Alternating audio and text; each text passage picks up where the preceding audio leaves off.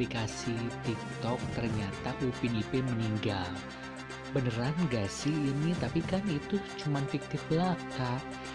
Duh bingung ya, kadang netizen itu selalu benar, tapi kayaknya nggak mungkin deh. Kan itu kan juga kartun. Hmm, tanya aja Yani Oktaviani deh. Barangkali dia tahu ya. Yuk kita dengerin Yani Oktaviani. Apakah Upin Ipin itu meninggal Benar apa tidak itu beritanya? Langsung aja di satu menit bareng Yani hanya di Podcast Yudi.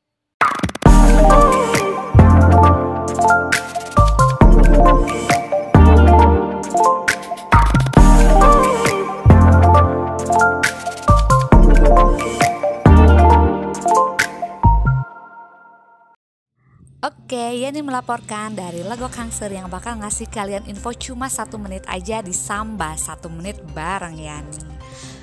Media sosial sedang ramai dengan video Upin Ipin meninggal dunia dan dimakamkan.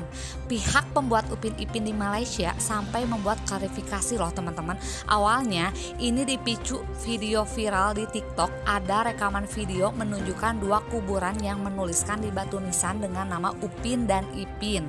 Seperti kita ketahui, Upin dan Ipin adalah dua tokoh anak-anak dari serial kartun ya yang asalnya dari Malaysia yang juga populer di banyak negara termasuk di Indonesia. Akun TikTok @abi underscore along underscore 3110 menyoroti dua kuburan Upin dan Ipin dalam batu nisan tersebut tertulis jika Upin meninggal lebih dulu pada 6 Agustus 1995 lalu disusul Upin tanggal 2 April 1996 gitu. Video ini diputar sampai 37,5 juta kali dapat like juga ya 3,9 juta dan 83.300 komentar. Netizen pun dibuat bingung banyak berspekulasi tentang kisah Ipin dan Upin apakah nyata atau hanya fiktif belaka hingga kebenaran dari lokasi dua makam tersebut. Karena sudah viral sampai Malaysia ya nih viralnya, Les Kopek nih sebagai studio animasi yang membuat Upin dan Ipin pun akan bicara. Mereka meluruskan masalah soal anggapan Upin dan Ipin meninggal dunia ini. Les Kopek menegaskan Upin dan Ipin adalah karakter fiktif active semua cerita Upin Ipin adalah rekaan semata-mata teman-teman dan ditulisnya itu sepenuhnya oleh Les Kopek Production gitu. Les Kopek menegaskan ide cerita adalah dari Hajah Ainon atau pengisi suara opah dan Haji Burhanuddin itu pengisi suara tok dalang ya sekaligus pengarah urusan Les Kopek Production gitu. Jadi Les Kopek Production juga menjelaskan kenapa dibuat cerita Upin Ipin yatim dan botak coba.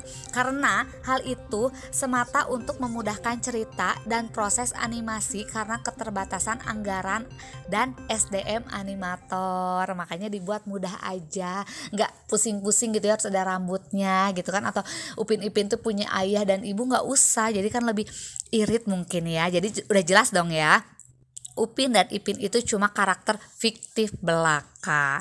Oke, okay? selalu dukung kami yang uh, untuk menjadi lebih baik dan lebih besar lagi lewat aplikasi traktir.id dengan cara berdonasi atau nyawer ya. Dan kalian juga bisa pot, uh, apa ya uh, follow podcast kita di @podcastyudi untuk tahu info-info terbaru dari kami dan jangan lupa nih bintang limanya setiap kalian pantengin podcast Yudi.